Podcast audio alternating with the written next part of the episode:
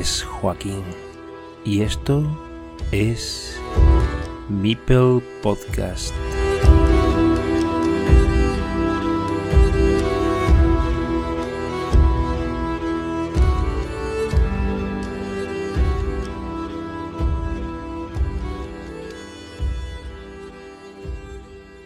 Bienvenidos a Mipel Podcast. En el episodio de hoy tenemos con nosotros a una persona vinculada a Carcassonne y a la BGA, pero no en el sentido en que lo estamos todos. Sobre él puedo decir que vivió en Reino Unido una larga temporada por motivos laborales, pero ha vuelto a su ciudad natal, donde se encuentra con sus amigos de antaño para echar unas partidas a cualquier juego que se tercie. Su nombre es Antonio, pero lo conocemos por Morgalad. Bienvenido a Mipel Podcast. Hola Joaquín, ¿qué tal? Eres andaluz de la ciudad de... Almería. Tengo familia allí, ¿eh? como te comenté. Me encanta Almería. Se ve bien. Muy bien. ¿De dónde viene el Nick Morgalad? Morgalad, pues... Yo colecciono, colecciono friquismo, como, como suelo decir. Eh, Morgalad viene de dos palabras en élfico del Señor del Anillo. Significa estrella negra. Vaya. Tenemos unos pocos de Señor de los Anillos en, el Carcassonne Spain, ¿eh? ¿eh? Cuéntanos cómo empezaste a jugar a juegos de mesa y si quieres, pues la historia con tus amigos y el club o asociación esa que tenéis como punto de encuentro, que creo que se llamaba Ludere Aude, ¿no? Sí, es una de las asociaciones más antiguas de Andalucía. Eh, Ludere Aude, pues surgió como una iniciativa de cuatro amiguetes en, en la Universidad de Almería pues allá por mediados de los años 90 empezamos a volvernos locos pues con los primeros juegos de mesa, las cartas de Magic, empezábamos a jugar a rol. Y eh, en aquellos años la Universidad de Almería construyó un nuevo edificio, un centro de atención al estudiante. Y en ese edificio pues eh, prepararon un montón de despachitos, un montón de salas para darlo pues a la Asociación de Atletismo, la Asociación de Espeleología, la Asociación de, de, Estudiantes de Derecho. Cada, asociación tenía un pequeño despachito. No era nada, una mesa, cuatro sillas y una estantería. Pero claro, nosotros pensamos, oye, pues si nos constituimos una asociación, podemos pedir unos otros despachos para jugar a rol allí. Nos metemos allí, jugamos a rol, jugamos a juegos de mesa, jugamos juegos de cartas y así fue, montamos la asociación y la asociación pues fue creciendo, fuimos cada vez gastando más gente, gastando más socios. Y claro, lo típico, yo terminé la universidad en el 98 y la vida, ¿no? Te casas, tienes hijos, tu vida laboral te lleva por otro derrotero. Y nada, me fui a Inglaterra allí a trabajar, pues soy ingeniero de software.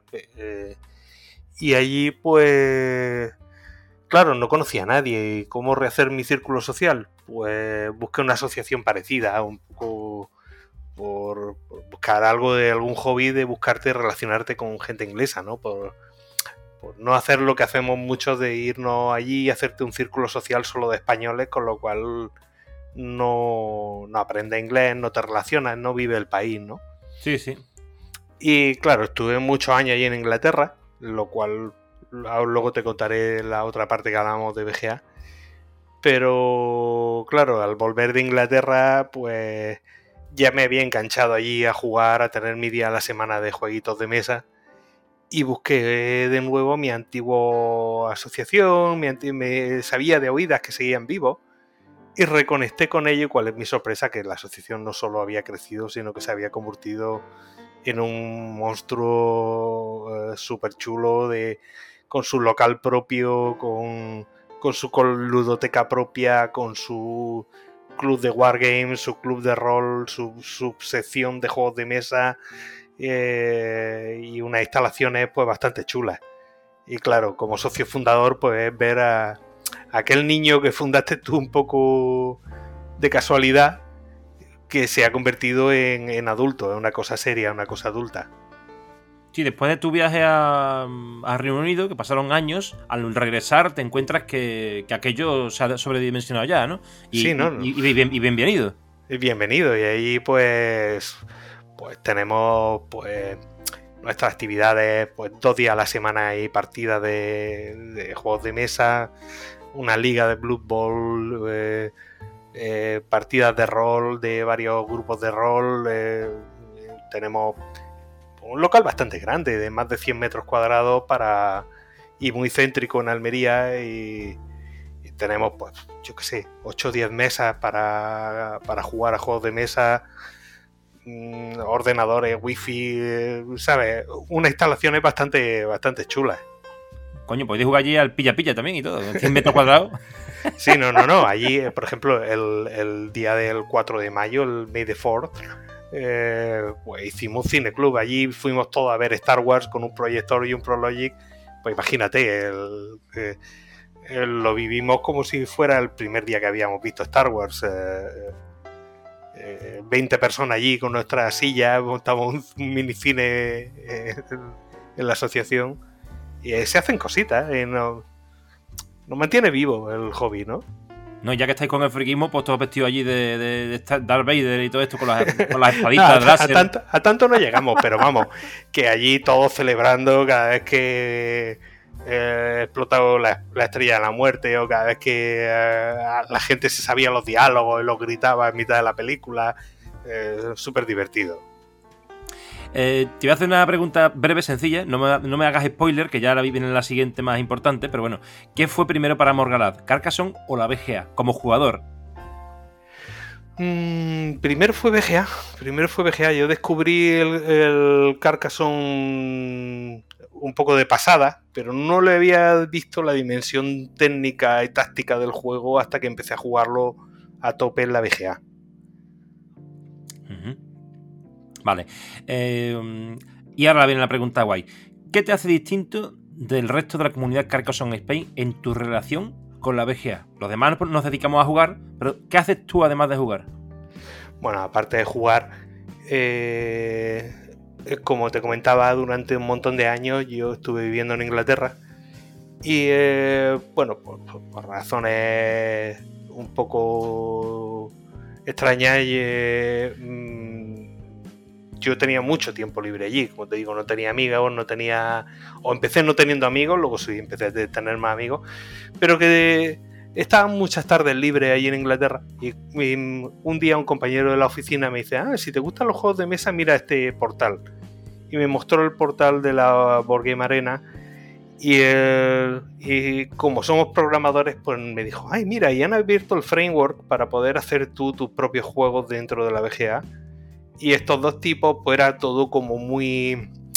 como muy community driven, ¿cómo se dice en español? Que en la comunidad era lo que conducía, lo que quería que se hiciera, en lo que... Sí, está basado en la comunidad, prácticamente. Sí, todo el mundo open source es un poco así, del software open source, de que tú abres el código y lo dejas a la comunidad que pueda modificar, a que pueda traducir los juegos, a que puedan hacer nuevos juegos, a que reporten los bugs la propia comunidad y, es una cosa que se hace un poco en común, que te basa en esa base de usuarios para que eh, mejoren la plataforma. Y en el software donde yo trabajo profesionalmente es también un poco así, o sea que era el mismo espíritu nuestro.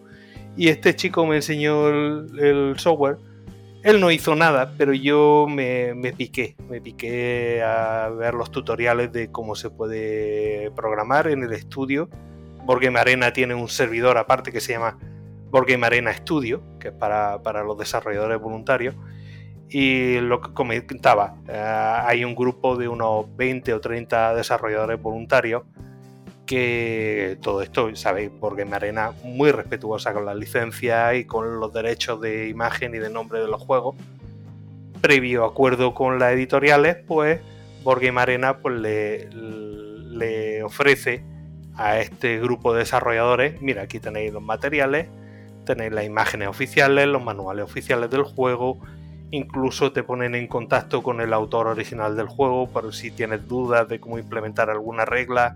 Eh, eh, de hecho, yo he hablado con varios autores y con varios editores eh, de renombre en el mundillo de los juegos de mesa y, y le implementé un juego, luego implementé otro, luego implementé...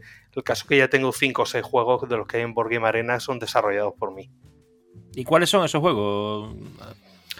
Pues uno, uno muy famoso que fue el primero que implementé fue Ink and Gold, que en Europa no se conoce como Ink and Gold, se conoce como Diamonds o Diamante.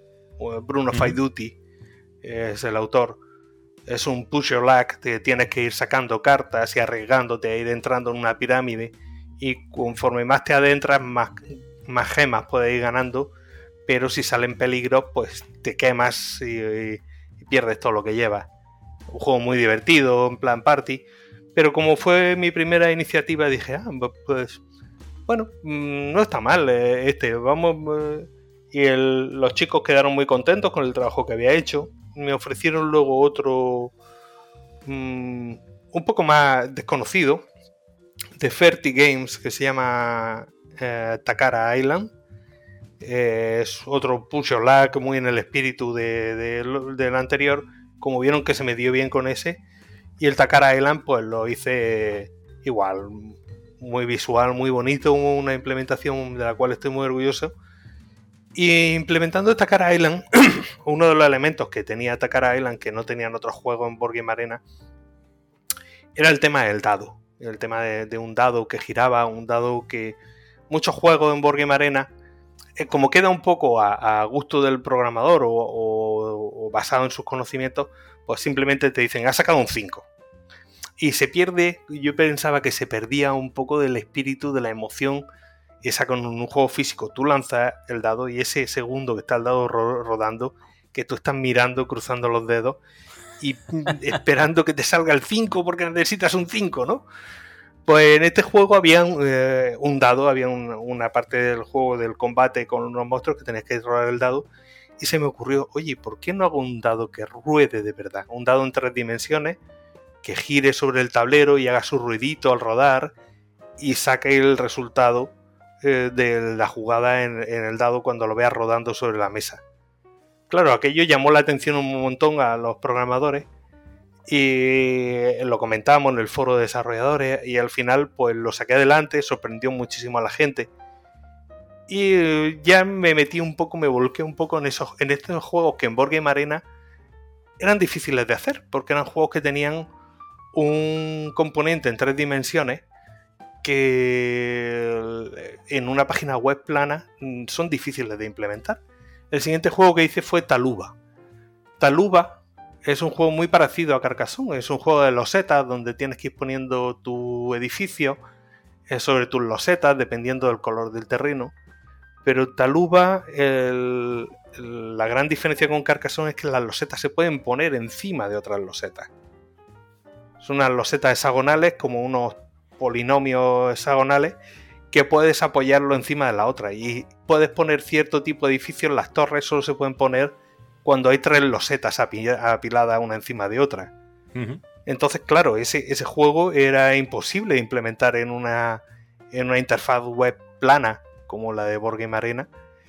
Y digamos que me inventé yo un motor 3D para, para que funcionase a base de, de, HTML puro y CSS para que funcionase ese juego en Board Game Arena. Bueno, aquello le explotó la cabeza a, a los dueños de Board Game Arena a Gregory Isabelli y a, Manuel Colín fue una pasada. El, recibimiento de, del Taluba en la plataforma fue un, puntazo y es uno de los grandes juegos que yo creo que a todos los jugadores de Carcassonne les gustaría porque es mecánicas muy similares y una estrategia similar a la de Carcassonne, aunque eh, no tiene nada que ver, ya te digo, cambia muchas cosas pero yo creo que es un juego muy bonito para aquellos amantes de Carcassonne. Taluba. Taluba, de. ¿Cómo se llamaba? El, André Masasola. Eh, sí, Marcel André Masasola, creo que es el, autor. Eh, el otro juego que había dicho antes se llamaba eh, Takara Island, ¿no? Takara Island, sí. Vale.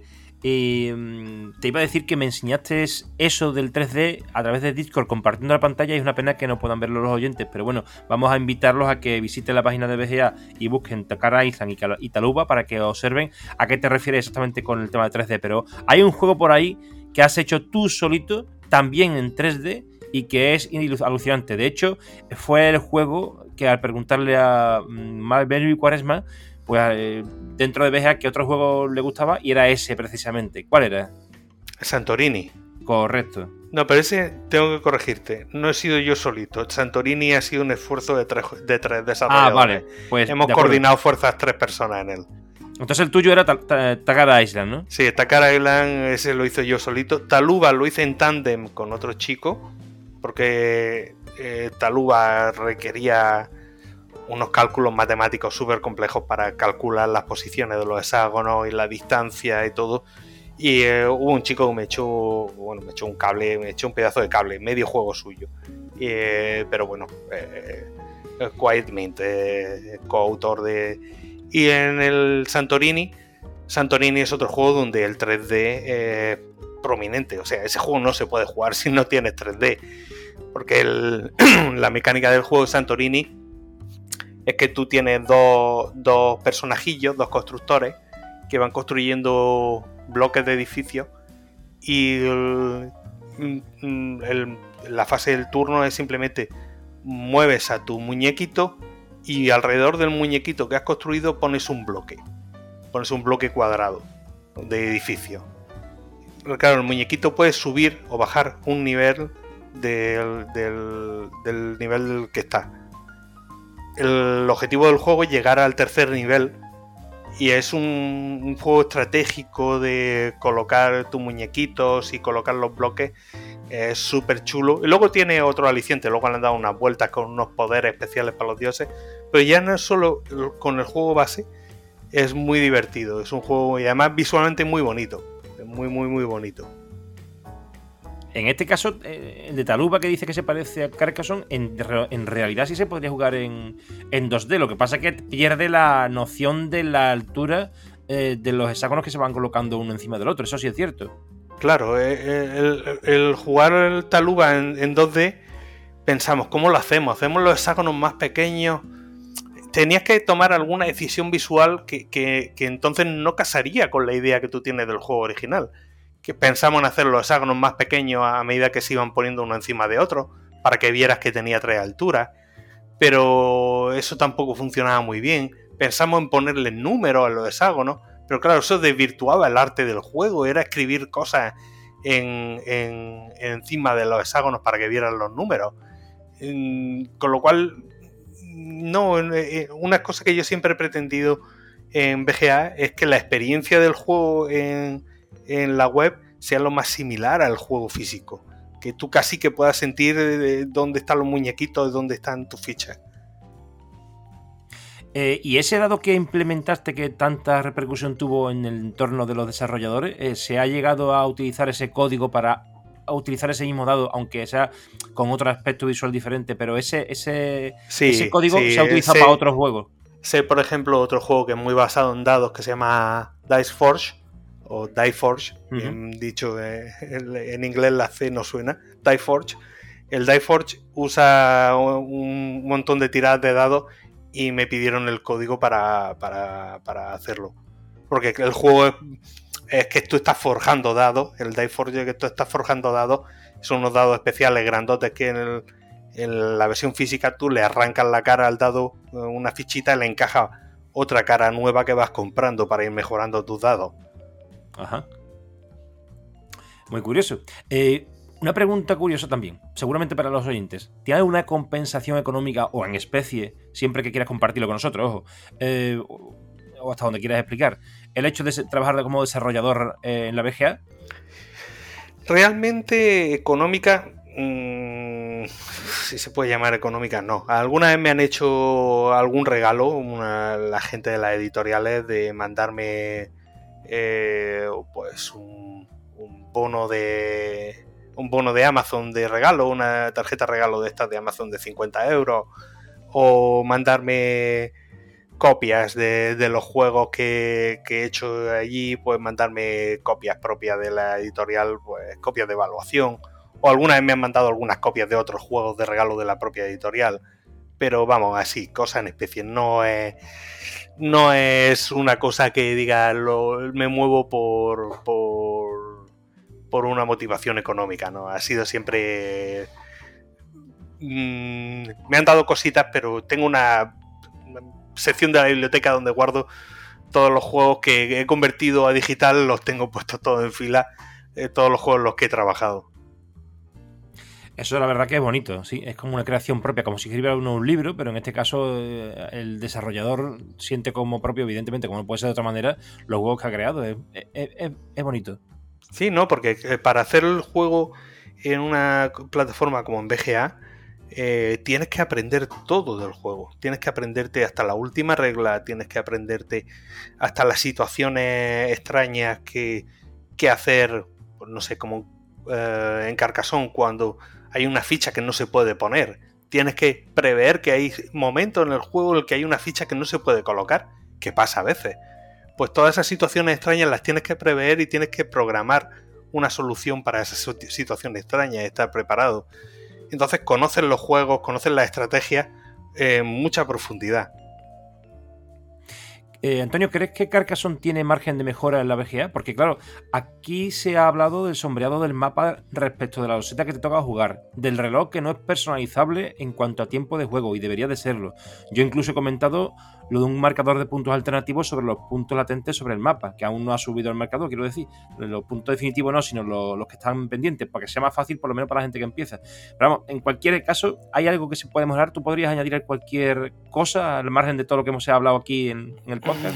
Eso es, eh, claro, es que eh, es una de las cosas que comentan mucho la gente. Sí a los scripts, no a los scripts. No sé si sabéis, mucha gente imagino que sabrá, que tú puedes hacer scripts. Si eres un programador y sabes lo que hace, puedes hacer scripts sobre lo que está pasando en una web.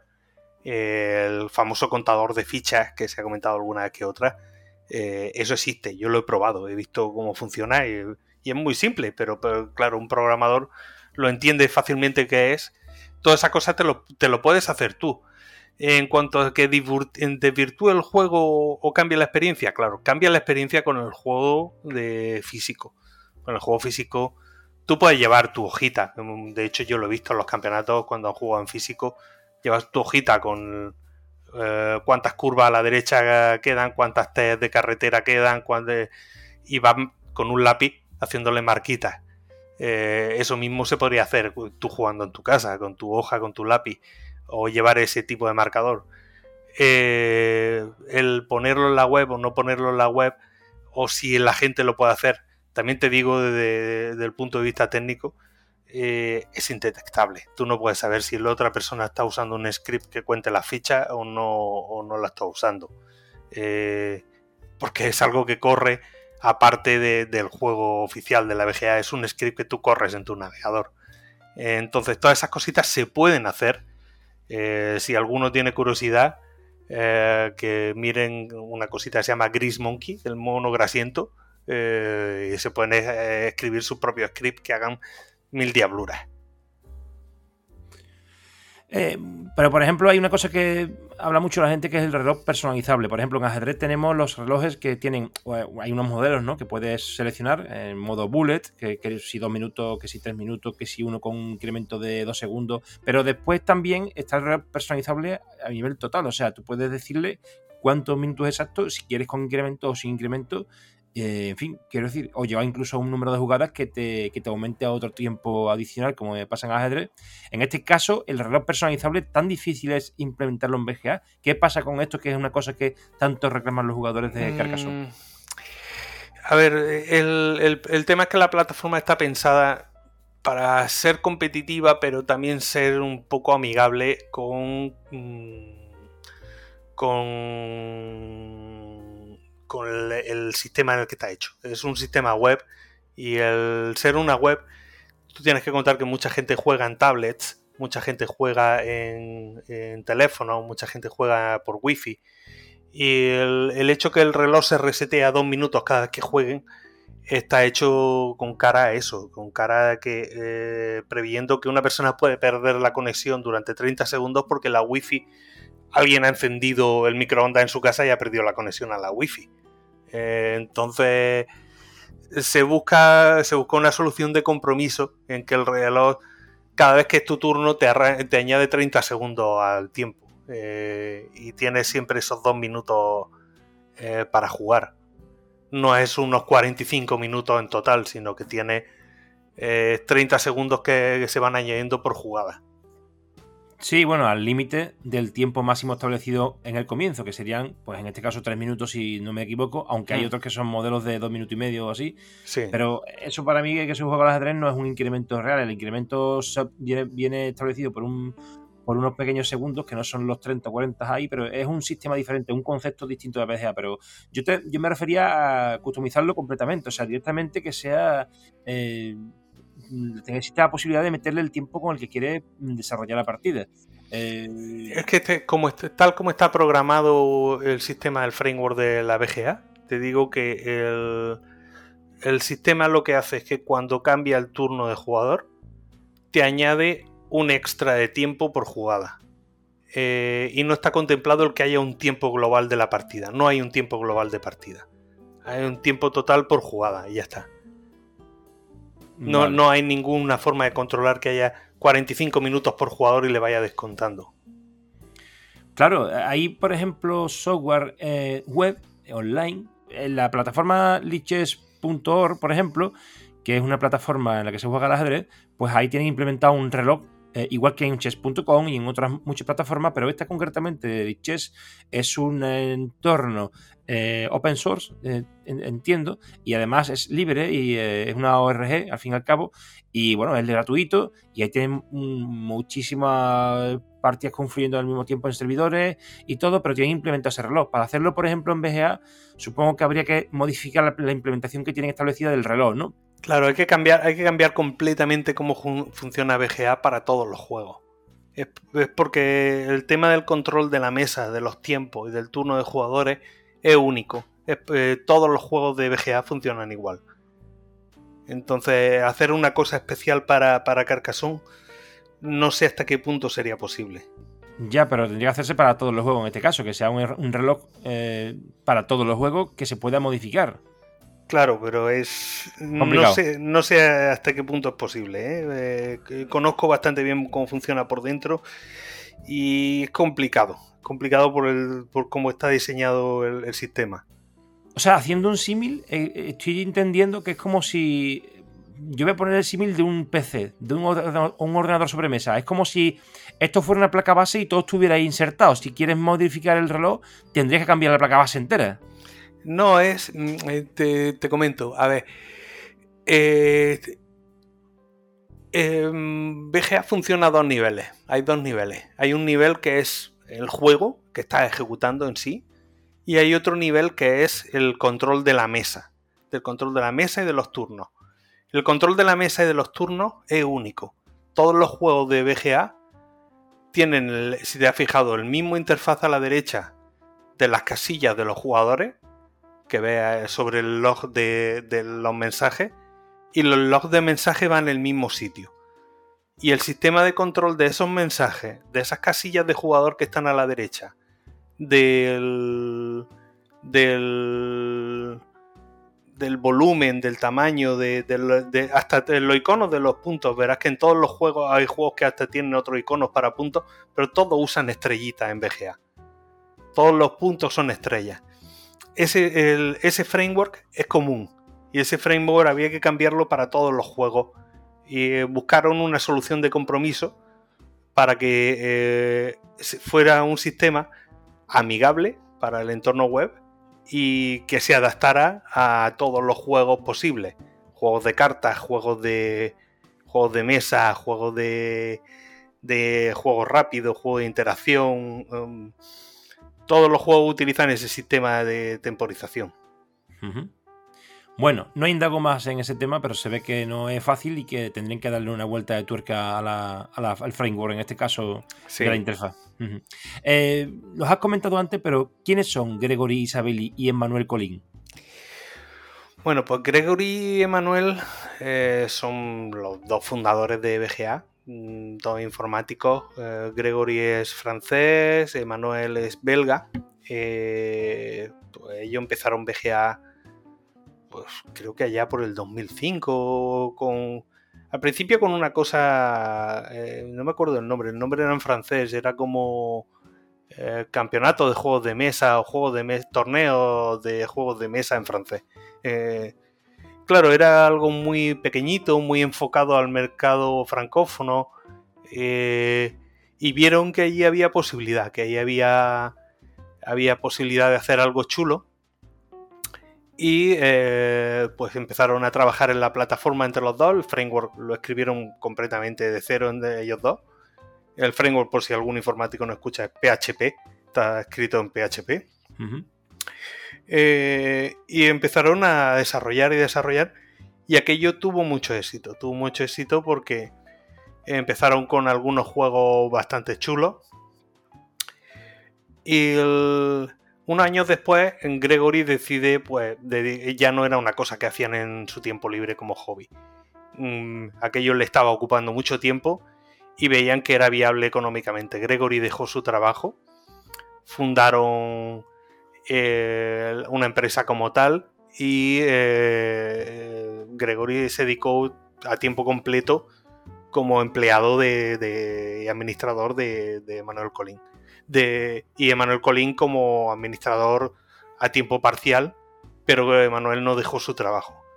Y aquello empezó a crecer, empezó a crecer hasta el punto y aquella Emanuel también tuvo que dedicarse completamente a esto.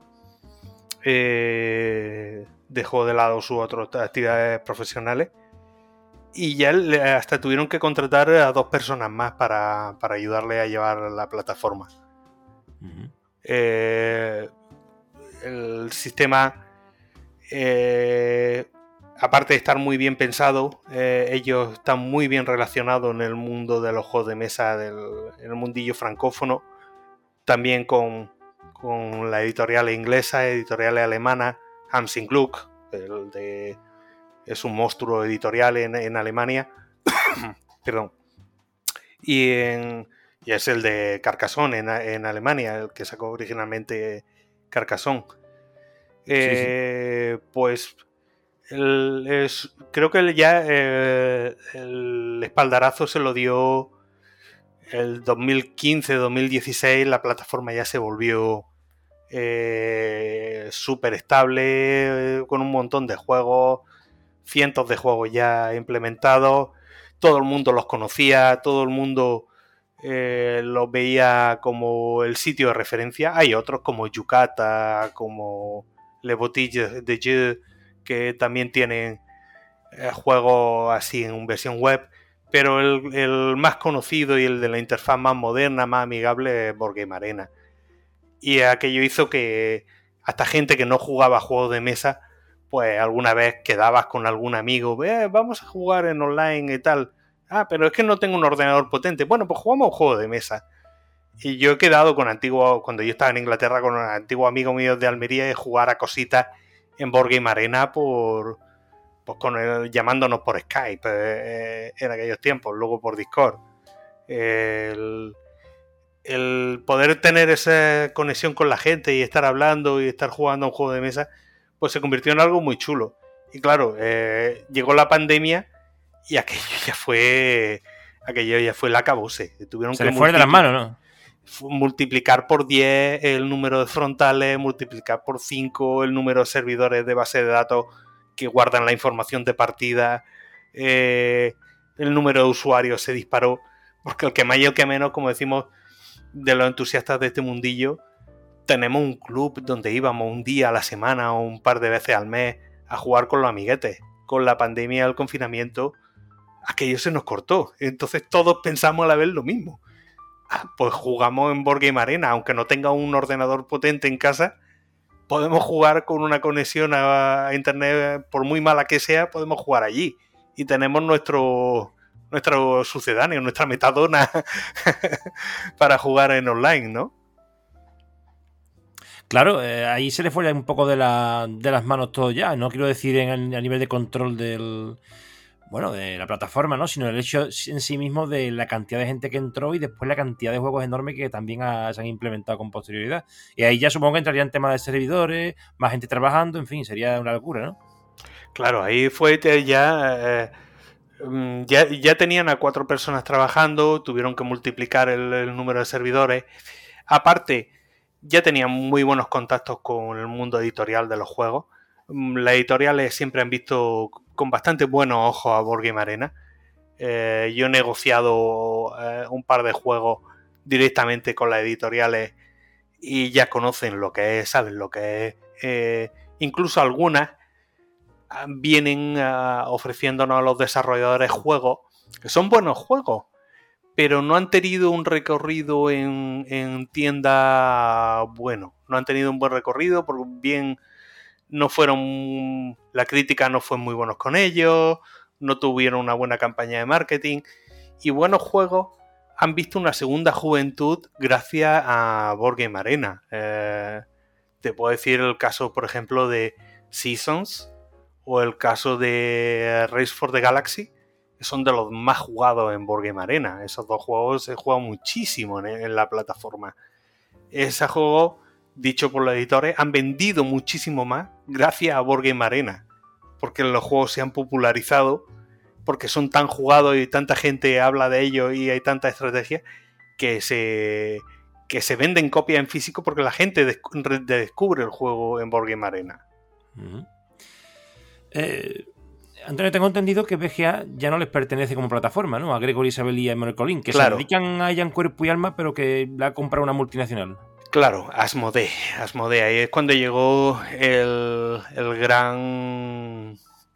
El gran debate de, si esto es una plataforma open source donde los programadores voluntarios hemos estado colaborando altruistamente. Eh, eh, pues ellos han vendido a Asmodee la propiedad de la plataforma. Asmodee, si alguien no lo conoce, es un monstruo editorial en el mercado francés, eh, mercado belga, incluso en España. Asmodee España tiene su sucursal y traduce su juego al español. Es de las más grandes que hay ahora mismo en Europa como editora de juegos de mesa. Entonces, pues muchos programadores pues, se vieron un poco traicionados, ¿no? Pensaron, pues, ay, si nosotros hemos estado programando aquí por amor al arte, Mm, todo lo que nosotros hemos hecho ha sido por darle valor a la plataforma y era por ayudar a que esto saliera para adelante. Pero yo entiendo también que el, tener el respaldo de una gran editorial eh, hace que, que aseguren la continuidad de la plataforma, de, haber un capital detrás que asegura que la plataforma funciona, que, tiene los recursos necesarios para seguir y, y luego que incluso luego se ha visto que ha facilitado el trato para tener pues, grandes títulos. Por ejemplo, el Great Western Trail que recientemente han puesto. Yo creo que no hubiera sido posible en su día hacerlo uh, con Board Game Arena como operador independiente, pero como ahora es Asmodee que está detrás, ha metido varios títulos de ese tipo últimamente en la plataforma. Había otros que recientemente habían puesto el Blue Rage. El Blue Rage es otro juegazo. Si alguien no lo conoce, es un pedazo de juego de Eric Lang. Eh, es otro, otro de los juegos que probablemente no hubiera caído nunca. El Grande. El Grande es un juego que hace tiempo se pensaba en poner en la plataforma, pero Hamsing Club les presionaba mucho con el tema de los royalty. El Grande lo metieron también recientemente en la plataforma. Y claro, es lo que te digo. Eh, eh, tienes, un, tienes un nombre, ya no eres un, dos chavalillos que han empezado una cosa, sino es una división de Asmodee. Si te refieres a la BGA, ya es una división más. Claro. Como un departamento propio, claro, efectivamente. Eh, pues sí, se le da un impulso diferente porque hay detrás una, una fuerza empresarial diferente, claro, evidentemente. Pero claro, se pierde un poco la esencia de lo que había al inicio, pero bueno, todo, todo, todo transcurre eh, bueno, una modificación de, de, la perspectiva que se tenía en un, en un, inicio, ¿no? Pero es que es así, todo, todo tiene que transformarse. Sí. se vuelve más profesional, se ha vuelto habráis notado, no sé si lleváis los que llevamos años jugando en la plataforma, pues como eh, el buscador de arriba pues se ha ido mejorando, eh, el buscador de partida ha cambiado, la gestión de amigos ha cambiado. Eh, están haciendo mejoras continuas, no solo las que se ven, sino también por detrás, en lo que no se ve. Ahora te voy a hacer una pregunta relacionada con el tema otra vez del desarrollo, pero es que esto es más curioso todavía.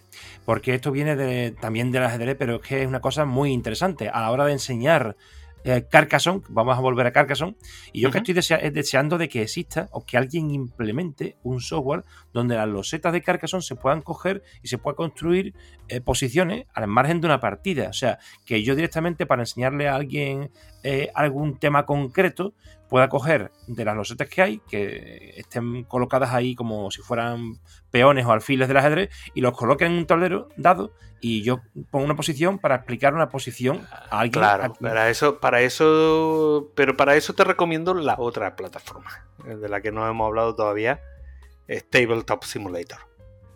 Tabletop Simulator que se puede descargar en Steam, ¿no? Sí, es un es un Tabletop Simulator no es un, una plataforma de juegos de mesa, es un simulador de juegos de mesa.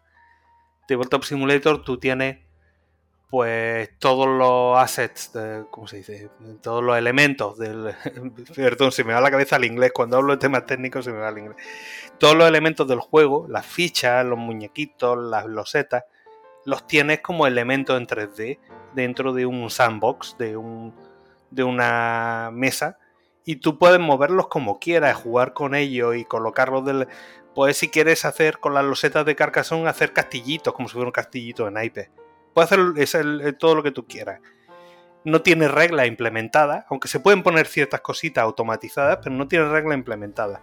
Eh, es decir, tú puedes colocar losetas eh, de carretera contra una ciudad. Eh, no, no, hay nada que te prevea. Es los jugadores que están jugando son los que tienen que eh, saberse la regla e implementar las reglas. Pero es para ese tipo de cosas que me está diciendo, para hacer una explicación de, una partida y para hacer demostraciones o, hacer una foto de, una jugada, eh, es perfecto. De hecho, últimamente no estoy desarrollando en BGA, estoy desarrollando cositas para Tabletop Simulator. Eh, igual, eh, gracias a los contactos que obtuve eh, trabajando cositas en Board Arena, pues tengo un cierto renombre en el mundillo, la gente sabe quién soy.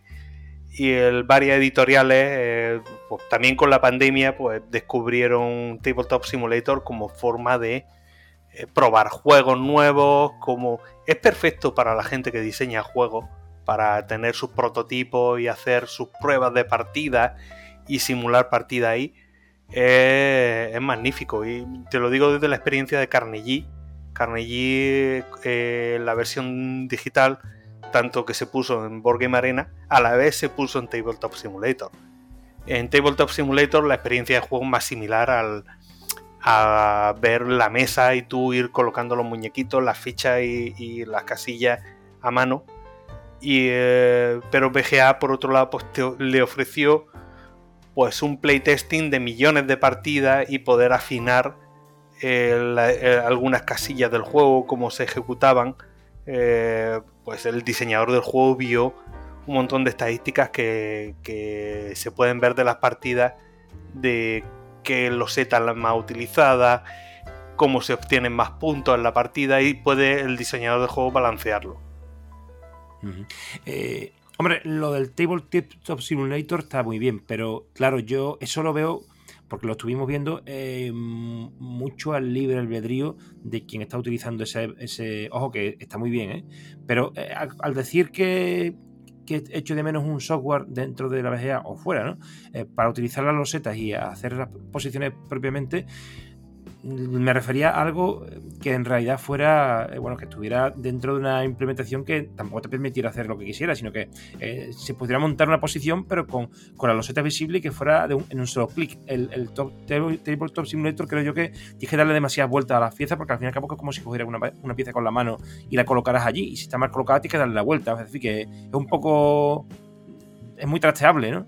Sí, no. Eh, el Tabletop Simulator es eso, es coger las piezas con una mano, en tu caso el ratón, y la, pones y la colocas donde quieras. Es, eh, es, lo más parecido a jugar en una mesa que, hay eh, a través del ordenador. Entonces, el, poder hacer tipo... Mm, me imagino que dices pues, como, como los puzzles de, como los puzzles que hay de ajedrez, los típicos puzzles que se publican en el periódico de ajedrez para poder colocar un puzzle y poder hacer ese. Mm. Claro, son posiciones, puzzle le llaman en inglés, pero son posiciones al fin y al cabo lo que se busca, claro, con sus coordenadas y tocas una roseta que es la que vas a elegir y la pones en un sitio y se te va del tirón a ese sitio sin, sin llegar a, lo que hay que hacer en el Tabletop Simulator, que es un poco más enrevesado. No porque no se pueda hacer nada, sino porque hay que darle más vueltas a la roseta que, que, la madre que me parió, porque hay que coger la roseta, llevarla para allá, darle la vuelta. O sea, no, no, digo algo eh, ya implementado, que cojas si sea una, tabla de análisis donde tú coges, tienes la loseta visible y tocas una y la colocas y pones otra y, a partir de ahí das una explicación o pones un MIPEL o lo quitas o en mm. fin. Es, difícil, es difícil. También te digo que es difícil. En BGA es difícil hacerlo. Porque tendrías que cambiar las reglas del juego. Eh, de, las reglas del juego del Carcassonne no es que un jugador pueda poner todas las losetas. Entonces sería cambiar, cambiar que se pudiera jugar un solo jugador a, a, Carcassonne. Sí, pero el, jugar directamente lo que pasa es que tiene las losetas sin descubrir. Entonces, pues estás supuestamente estás vinculado a, a la notoriamente a, que salga o no salga una loseta u otra. Yo venía a referirme a un software, bueno, ya en margen de VGA, que ni, siquiera el, el Dasmode para ordenador dentro de Steam o de, cualquier otra plataforma, ni siquiera JCluster Zone, ningún software te permite el análisis o la colocación de piezas de Carcassonne de la manera que tú quieras para hacer una posición. No, no existe. Yo echo de menos eso. A ver si hay alguien que se le ocurra algún día. Sé que hay algún día, algún día. No, hay, hay cositas. Yo he visto cositas por ahí de pues, contadores de piezas, de páginas web de que te llevan estadísticas de jugadas, de qué posibilidad tienes, cuánto out tienes con una pieza. Eh, pero claro, es lo que tú dices. Mm, es muy específico y, y el, es factible lo que lo comenta pues, completamente. Si tenemos para jugar la partida, ¿por qué no puedes jugar, colocar las fichas como tú claro, quieras? Están, están las imágenes y, están eh, esos contadores, pues eh, se trata simplemente de utilizar un, repositorio de piezas que se van claramente que están ahí, tocarla, colocarla o arrastrarla y, ponerla en la posición que ya previamente está definida para que en esas coordenadas puedas colocar la pieza, pero poder montar la posición que tú quieres. También te digo, también te digo que tampoco es fácil, tampoco es fácil eso que, imaginas. La cantidad de trabajo que lleva por detrás eh, es, más fácil hacerlo con Tabletop Simulator que, que, hacerlo, hacerlo en web. Eh, la cantidad de horas que se puede llevar a hacer lo, que, que imaginas. Bueno, vamos a salirnos del mundo del desarrollo y te voy a preguntar si, si vas a querer participar en la Liga Carcassonne en Spain en la próxima edición. ¿Tienes un buen nivel de Elo? Sí, no, eh, tengo bastante nivel. Eh, ahora, ahora de hecho estoy perdiendo, estoy perdiendo más que gano últimamente. Parece que, que todos los de los equipos nacionales me tengo que concentrar con ellos. No hago nada que jugar con portugueses y con y con brasileños que llevan el escudo del, equipo oficial de sus países. Y digo, madre mía, eh, no hago más que últimamente encontrarme con monstruos que están entrenando o, qué. y bajé de estar el, eh, con nivel 300 de arena a 450 que estoy ahora eh, en arena. Y eh, de tener un elo de 360 a uno de 300 ahora mismo, creo, de elo. También eres habitual en el Twitch, ¿no? De Carcassonne Spain, ¿no? Sí, ahí de vez en cuando entro a comentar las partidas con ellos o, como espectador veo las partidas del equipo nacional. Eh, creo que también mirando se aprende mucho, ¿no? Eh, de estrategia y de, planificación y ver cómo juegan a alto nivel. Aprendes truquitos y aprendes pequeños Mm, tácticas de ataque, tácticas de defensa, eh, lo que decíamos, a contar los outs que tienes con cada ficha, eh, o para salvar a un Meeple. Eh. lo veo bastante interesante. bueno, te gusta, te iba a preguntar si te gusta y por qué, pero vamos, ya me lo has respondido. Y bueno, ¿añadirías algo más a ese canal de Twitch o al podcast? ¿Qué añadirías que te parezca que podría ser interesante y que le falten a uno de esos dos canales de, de divulgación de Carcassonne a través de la comunidad? Mm, no sé, ahora mismo mm, creo que está bastante, bastante chulo el sistema. Yo eh, tal vez me gustaría. Eh, hay una cosa que yo creo que tú como jugador de ajedrez eh, lo, habrás notado. En, ajedrez hay una nomenclatura estándar para las piezas, para, para cada pieza, cada movimiento. Aquí en Carcassonne todavía no, no sé si hay un sistema internacional de nomenclatura de las piezas, pero claro, le llamamos la T de la carretera, el Dorito, el divorcio, eh, eh, a la ficha. Y, no sé si hay otra forma mejor de llamarla. Tal vez podríamos intentar ponernos de acuerdo todo el mundo que sepamos qué es el divorcio y qué es el Dorito. Sí, porque a efectos de los laterales de, o las aristas de la, de la, de la loseta, es lo mismo el divorcio que un dorito sin camino, porque sería road road, eh, field field, o sea, RRFF. No hay diferencia, pero sí, tendría que tener una nomenclatura y al margen de eso, a la hora de implementarla en unas coordenadas, ya hay algo por ahí que se ha iniciado, pero como no hay nada federado ni estandarizado, evidentemente pues no se lleva a cabo. Pero bueno, mm. la comunidad, sobre todo en Carcassonne Central, es muy activa en ese aspecto y Héctor es el que sabe un poquito más del tema, por lo menos dentro de la comunidad Carcassonne Spain, si no me, si no me equivoco. Y yo creo que se van a, ver, a venir algunas que otras eh, debates de mesa 4 relacionadas con el tema de las expansiones y aquí vamos a hablar algunas cosas también de ello. Así que bueno, pues te invito a que también las escuches. Que por cierto te iba a preguntar qué otros episodios del podcast o entrevistas has escuchado. Si has escuchado alguna. Pues para ser honesto, no, no la he escuchado anteriormente, no había escuchado anteriormente. Yo seguía un poquito las retransmisiones de, de Carcassonne Spain de, de, Twitch muy de cuando en cuando o entrar a hablar con ellos, pero como es como esto es todavía una comunidad pequeñita, como digo yo, eh, eh, es todo como muy como muy familiar, ¿no? Todos hablamos con todos, no hay no hay ¿cómo decirlo? No hay superestrella, todos somos amiguetes. Por supuesto que sí, esa es la idea también del podcast, que nos, que nos conozcamos todos un poquito más y que, estemos más cercanos y, no sean solamente las letras del Telegram, ¿no? que al fin y al cabo, pues bueno, pues hay eh, mucha, palabra, mucha palabra por ahí por medio, pero no se nos escucha el tono de voz, cómo somos, qué pensamos de, esto y de aquello, y bueno, y la interacción del canal de Twitch que es, eh, mm, evidentemente muy pedagógica, ¿no? En fin, está todo muy bien, sí.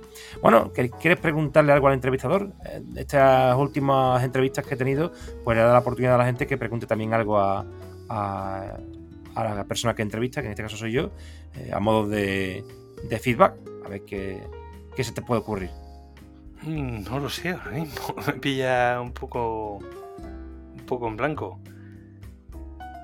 Eh, ve pensándolo. Te voy a preguntar por tu roseta favorita en ah, Carcassonne. Mi loseta favorita. Eh, pues me gusta, me, eh, resulta muy útil la loseta de la T de carretera con, una C de ciudad en un lado. La, que es T y C. Eh, una C de ciudad pequeñita y una T de, de T de carretera.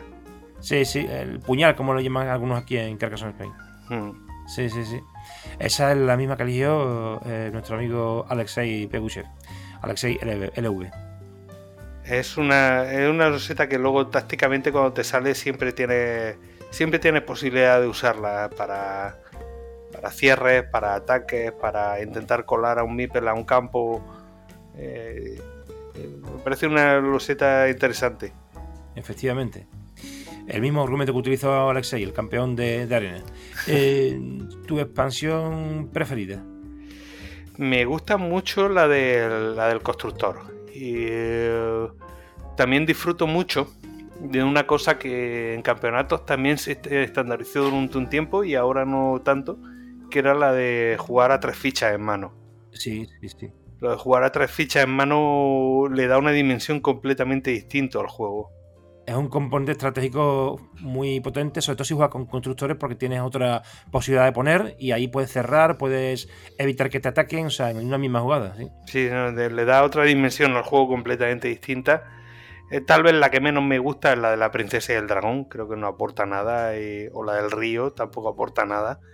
Eh, pero la de los mercaderes y la de constructores, eh, lo de las mercancías le da una razón extra para cerrarle la ciudad a un jugador rival y quedarte tú con la mercancía. el tema del constructor de poder hacer la doble jugada eh, me parece súper chulo la idea. Y el, y el que haya un poquito más de variedad en los setas eh, evita eh, muchos cierres kamikaze que, que se hacen en el, juego a dos jugadores. Porque como hay mucha más variedad en los setas, la gente se centra más en jugar defensivo que jugar a joder al otro. Claro, evidentemente el juego que se hace en el juego básico o la estrategia que se sigue mm, cambia de pleno cuando le metes una expansión donde se cubren esos huecos que, no, que antes sí, existían en, el juego básico, evidentemente. Pero bueno, el río es verdad que no aporta gran cosa, es algo más visual, eh, aunque aporta algún, algún tema táctico, más que estratégico. Pero yo difiero contigo con respecto al tema del, de la Princesa y Dragón, que para mí era un coñazo al principio, porque cuando empecé a jugar digo, joder, pero si esto es una burrada, pones aquí unos pocos de muñecos, te llega el dragón y te, revienta la partida. Pero claro, eh, después descubrí, cuando me quedaba sin meeples y tenía dos o tres bloqueados, que el dragón también me podría, lo podría utilizar para, recuperarlo. Entonces me volví loco. y la realidad es que es una curiosidad eh, más en el juego lo que sí que no me gusta, y ya lo sabe toda la gente por las entrevistas que, he hecho, eh, cuando lo comentamos, es el, juego de la catapulta, que, que he visto para jugar, yo qué sé, por, con los niños o para echar un rato cuando son varios jugadores, está bien, pero joder, esto de estrategia tiene poco. Lanzar un MIP para tomar por culo sí, no, tiene, no tiene nada. Nah, eh, a mí, ya te digo, el del, constructor. Eh, me gusta la idea del constructor, lo del cerdo, lo del cerdo de poner el cerdo en tu campo, y puntuar tu campo más potente también me parece interesante. Eh, lo de la mercancía le añade la dimensión esa que te digo de es otra carrera a los puntos, porque al fin y al cabo luego vas a tener ahí 30, 40 puntos en juego a final de partida por la mayoría.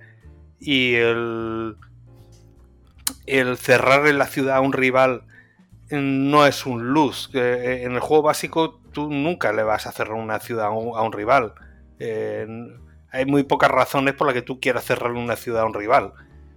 Eh, pero en el juego con las mercancías sí hay ocasiones en las que dices, es que yo llevo 20 puntos y si te cierro a ti me aseguro 30 puntos, porque ya han salido todas las losetas de, de trigo, por ejemplo. Claro. Entonces sí, voy a sacrificar que te doy 8 puntos y tú cierras la ciudad que ya casi los tenías, pero yo me aseguro otros 10 puntos al final de la partida. Porque ya no quedan más losetas de trigo y te estoy ganando la última loseta de trigo.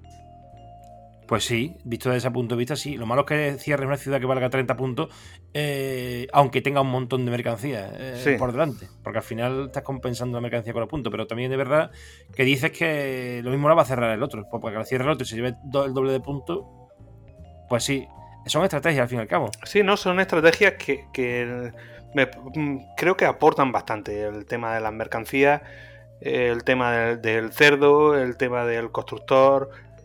me parecen. Eh, de hecho, yo las jugaba mucho más antes, porque yo antes prácticamente no jugaba el modo arena, jugaba eh, ese modo. ese modo de tres fichitas. Eh, con, con las expansiones de los mercaderes y el constructor. Y se potencia muchísimo con el de Posadas y Catedrales, porque esos multiplican el juego, el otro lo, multiplica los turnos, porque lo aumentan en doble turno cuando tiene constructor. Exacto, exacto. Y el, de Posadas y Catedrales, se me olvidaba, esa, esa gran catedral que te jode una ciudad, eh, te hace cero si no te dejan cerrarla. Efectivamente. Y esa, esa ficha, esa ficha yo la he usado y la he sufrido. Tanto la he usado para atacar y la, he sufrido en, contra. Y, le da otro aliciente al juego. Sí, los dos juntos simultáneamente son potentes, los dos, las dos expansiones esas. Bueno, otro juego diferente de Carcassonne, de Carcassonne, ¿no? En BGA, que te guste. Aparte de, este, Mm, juego mucho a uno de Reiner Nietzsche que se llama Lost Cities, creo que en español se llama Exploradores, eh, que es un juego para dos jugadores también. Y es un juego competitivo, es una especie de, de, de jugar a hacer escaleras de cartas, de escaleras de color.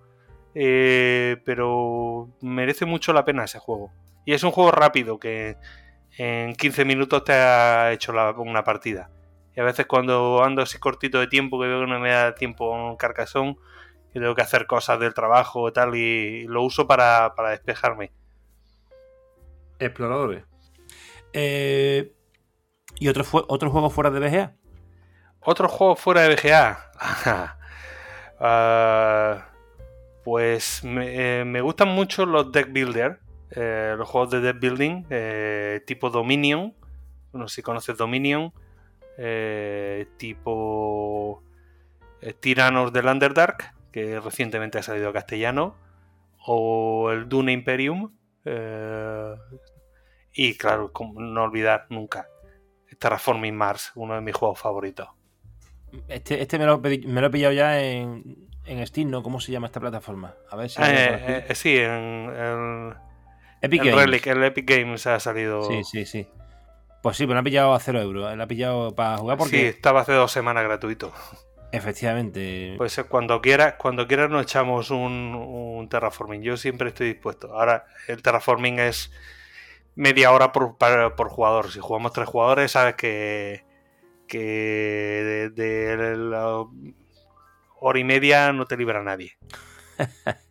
Muy bien, vamos a tener que hacer un terraforming eh, community eh, con varios con varios miembros de Carcassonne Space porque hay mucha gente que le gusta el, terraforming más. Es un juegazo, es un juegazo. ¿Has visitado la ciudad de Carcassonne? Sí, he estado en Carcassonne. He estado, estuve en Carcassonne hace unos añitos en un tour que hice en coche. Eh, me di la vuelta a Francia en mi propio coche un mes entero de, a mi ritmo y pasé unos días en Carcassonne. Es muy chulo, hacen allí un espectáculo medieval y los caballeros. Recuerdo, dentro del propio castillo tienen un, museo de las mazmorras, que tienen eh, como una mazmorra con artículos de tortura y tal. Bastante turbio un poco, ¿no? Pero, pero curioso. Y una catedral también. Sí, no, no, tienen la catedral, tienen sus murallas, tienen, ya te digo, hacen sus espectáculos medievales dentro de la ciudad, de caballeros allí peleando y tal. Y la ciudad es muy bonita y el castillo es chulísimo. Y hay viviendas, hay viviendas dentro del castillo. Sí, sí, es verdad. Y, ¿Pero lo visitaste antes de, de conocer el juego de Carcassonne? Sí, había oído ya hablar del juego, pero eh, visité la ciudad antes de, haber visto el juego real. ¿Y viste por allí algún MIPEL o algo? no, no recuerdo. Lo único que recuerdo de Carcassonne así era la chocolatería eh, francesa, que había varias tiendas de chocolate. Eh, me acuerdo unos chocolates riquísimos de la ciudad. Bueno, pues ya terminamos. Te pregunto, ¿tienes alguna pregunta para el entrevistador o no se te ocurrió ninguna? Mm, no, eh, pero me gustaría saber en, qué, cómo vas tú de Elo. ¿Cómo va ahora mismo de Elo? Eh, ¿En ajedrez, en ajedrez o en.? en... en ajedrez tengo más. ¿En ajedrez o en, o en, Carcassonne? Carcassonne, ¿no? ¿En arena cuánto lleva? No, arena este, esta temporada lo tengo medio abandonado. Estoy todavía en el oro, pero porque no juego prácticamente. Pero de ahí lo tengo en torno a 400, 398 creo que es lo que tenía últimamente, o 390. Ayer perdí con, con Carlos, con, Ma, con Matt Khan. Eh, empecé ganando y al final terminé perdiendo porque jugó una muy buena partida y además nos la retransmitieron por Twitch, así que está colgada por ahí. Eh, Yo precisamente el otro día en arena, me- me- la maldita casualidad que estaba jugando y me salió de pareja en arena Juliano Apóstata. sí, me salió de, me- de esto que te lo elige random. Me, eh, me puso a jugar con él. Eh, pero tú juegas con el mismo nick, con Morgalat también. Sí, Igual, como Mo- Morgalada. Ujú. Si queréis buscarme en la BGA, ahí aparezco como Morgalada. Muy bien. Bueno, pues hasta aquí, Antonio. Encantado de haberte tenido como invitado en Mipel Podcast. Pues nada, ahí nos vemos y, y a cerrar carreteras y a cerrar ciudades. Muy bien. Si no estás en el Telegram, te, te paso el enlace para que te unas, pero creo que sí, ¿no? Estás por ahí, ¿no? Creo que sí, creo que sí lo tengo. Vale, vale. Bueno, pues muchas gracias a Morgalat por su participación y a los oyentes, ya sabéis, os daremos más podcast. Estad atentos. Chao.